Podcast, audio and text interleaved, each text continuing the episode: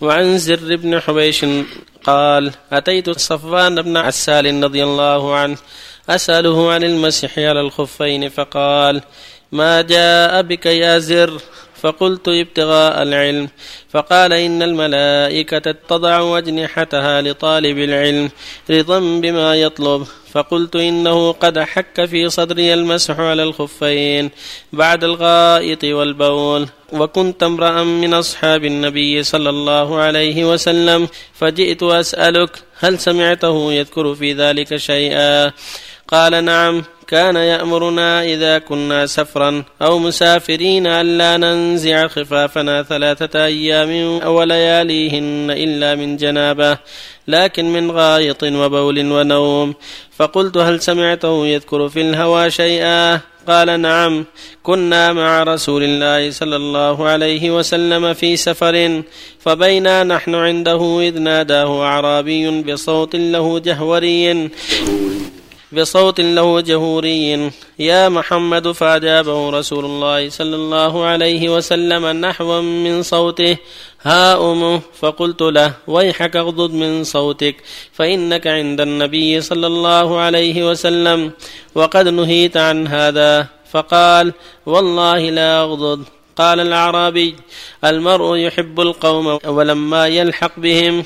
قال النبي صلى الله عليه وسلم المرء مع من أحب يوم القيامة فما زال يحدثنا حتى ذكر بابا من المغرب مسيرة عرضه أو يسير الراكب في أرضه أربعين أو سبعين عاما. قال سفيان أحد الرواة. قبل الشام. خلقه الله تعالى يوم خلق السماوات والأرض مفتوحا للتوبة لا يغلق حتى تطلع الشمس منه رواه الترمذي وغيره وقال حديث حسن. وعن أبي سعيد سعد بن مالك بن سنان الخدري رضي الله عنه أن نبي الله صلى الله عليه وسلم قال كان في من كان قبلكم رجل قتل تسعة وتسعين نفسا فسأل عن أعلم أهل الأرض فدل على راهب فأتاه فقال إنه قتل تسعة وتسعين نفسا. فهل له من توبة؟ فقال لا فقتله فكمل به مئة. ثم سأل عن أعلم أهل الأرض فدل على رجل عالم فقال إنه قتل مئة نفس فهل له من توبة؟ فقال نعم. ومن يحول بينه وبين التوبة؟ انطلق إلى أرض كذا وكذا فإن بها أناسا يعبدون الله تعالى فاعبد الله معهم ولا ترجع إلى أرضك فإنها أرض سوء. فانطلق حتى إذا نصف الطريق أتاه الموت. فاقتصمت فيه ملائكة الرحمة وملائكة العذاب. فقالت ملائكة الرحمة جاء تائبا مقبلا بقلبه إلى الله تعالى. وقالت ملائكة العذاب إنه لم يعمل خيرا قط. فأتاهم ملك في صورة آدمي فجعلوه بينهم أي حكما. فقال قيسوا ما بين الأرضين فإلى أيتهما كان أدنى فهو له. فقاسوا فوجدوه أدنى إلى الأرض التي يراد فقبضته ملائكة الرحمة متفق عليه. وفي رواية في الصحيح فكان إلى القرية الصالحة أقرب بشبر فجعل من أهلها. وفي رواية في الصحيح فأوحى الله تعالى إلى هذه أن تباعدي وإلى هذه أن تقربي. وقال قيسوا ما بينهما فوجدوه إلى هذه أقرب بشبر فغفر له.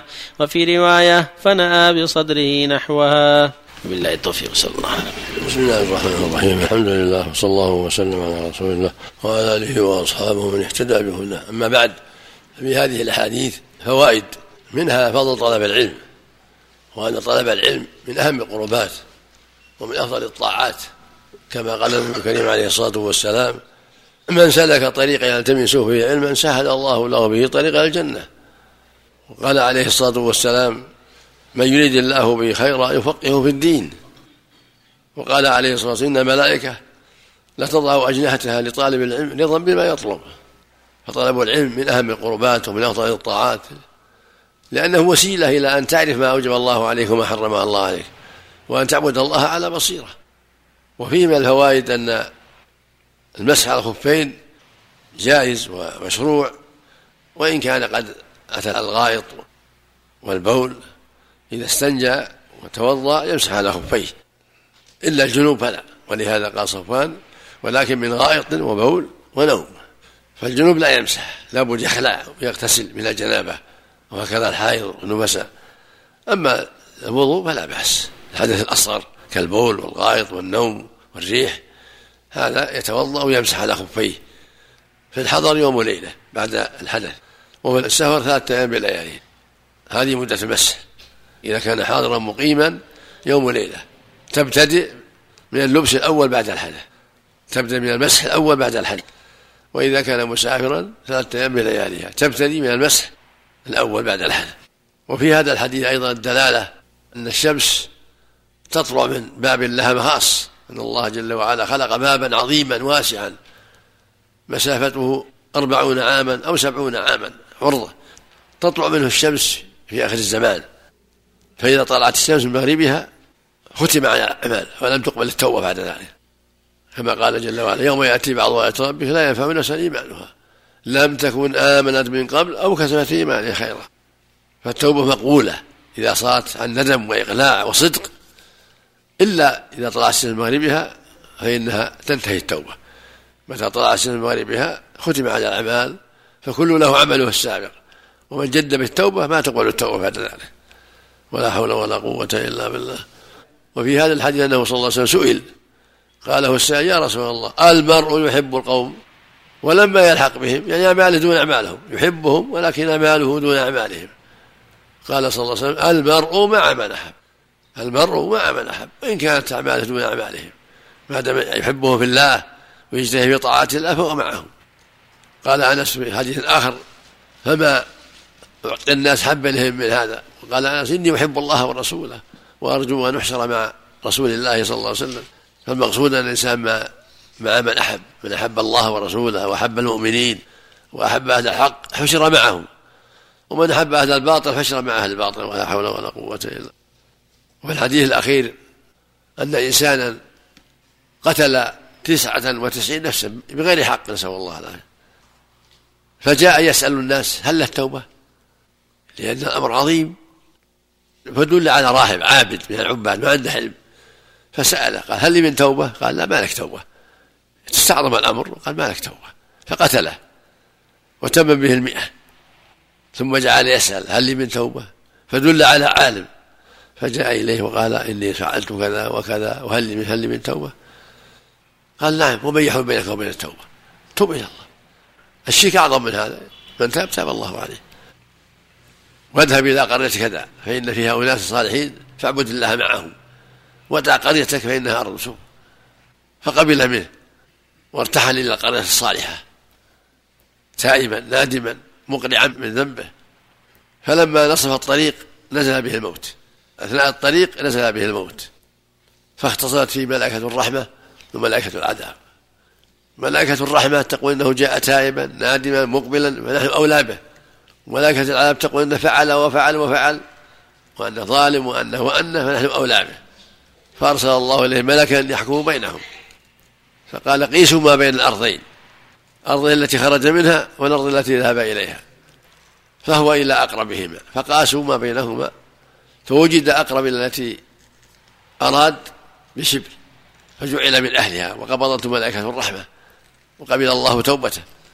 في لفظ أنه كان ينوء بصدره لما أحس بالموت ينوء بصدره إلى جهة القدس الصالحة لعل يقرب إليها. فهذا يدل على أن التوبة تجب ما قبلها وأن من تاب من المعاصي والشرك ومن ظلم العباد يتوب الله عليه إذا تاب صادقا حتى من ظلم العباد. والله يرضيهم جل وعلا. إذا كانت التوبة صادقة إن كان يستطيع أعطاهم حقوقهم وإن كان لا يستطيع أو ما يقدر عليهم كفته التوبة.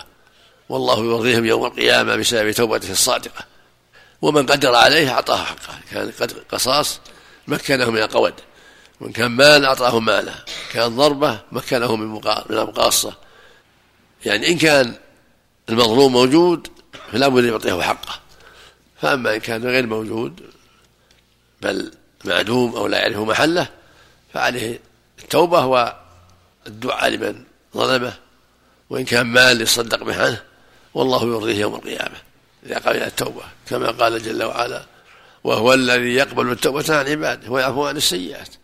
إذا كان الإنسان تاب توبة صادقة عن ندم وإقلاع من الذنب وعزم صادق أن لا يعود فيه خوفا من الله وتعظيما لله فالله يرضي عنه خصومه يوم القيامة.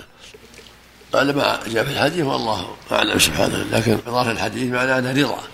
ظهر الرضا والسرور بعمله الطيب. هل المسافر يا شيخ أن يمسح. هل المسافر أن يمسح أكثر من ثلاثة أيام؟ الصواب ليس له إلا هذا الصواب. الشراب المجزي الله يسلمك اللي يستر اللي يستر ولو من صوب أو قطن ما هو بلزوم من جلد اللي يستر البشرة يكفي. إذا الكعبين غير مخروق ها؟ إذا الكعبين ولا يكون مخروق عنك يكون سليم. الخروج يسيره يرفع عنها. أحسن الله عملك بالنسبة الذي يربط التوبة أنه إذا مثلا تزوج أو إذا حج أو إذا كبر بالسن يعني ما يقول أنا لسه مثلا في سن الشباب أو لا ما يجوز ما يجوز ما يجوز هذا. من قال له؟ سوف يجب عليه أجل من الأجل مغطى قد يجب عليه الأجل وهو في أول الشباب. الواجب البدار بالتوبة وعدم التعليق. اللهم المستعان صلى عليك. الشراب الشفاف يجوز المسح عليه؟ لابد يغطي يستر البشرة. فاذا كان ما يستر ذكر أهل العلم انه لا يجوز لأنه ما يسمى شراب ولا يسمى جورا الا الساتر الذي يحرم به الدفاع والفائدة.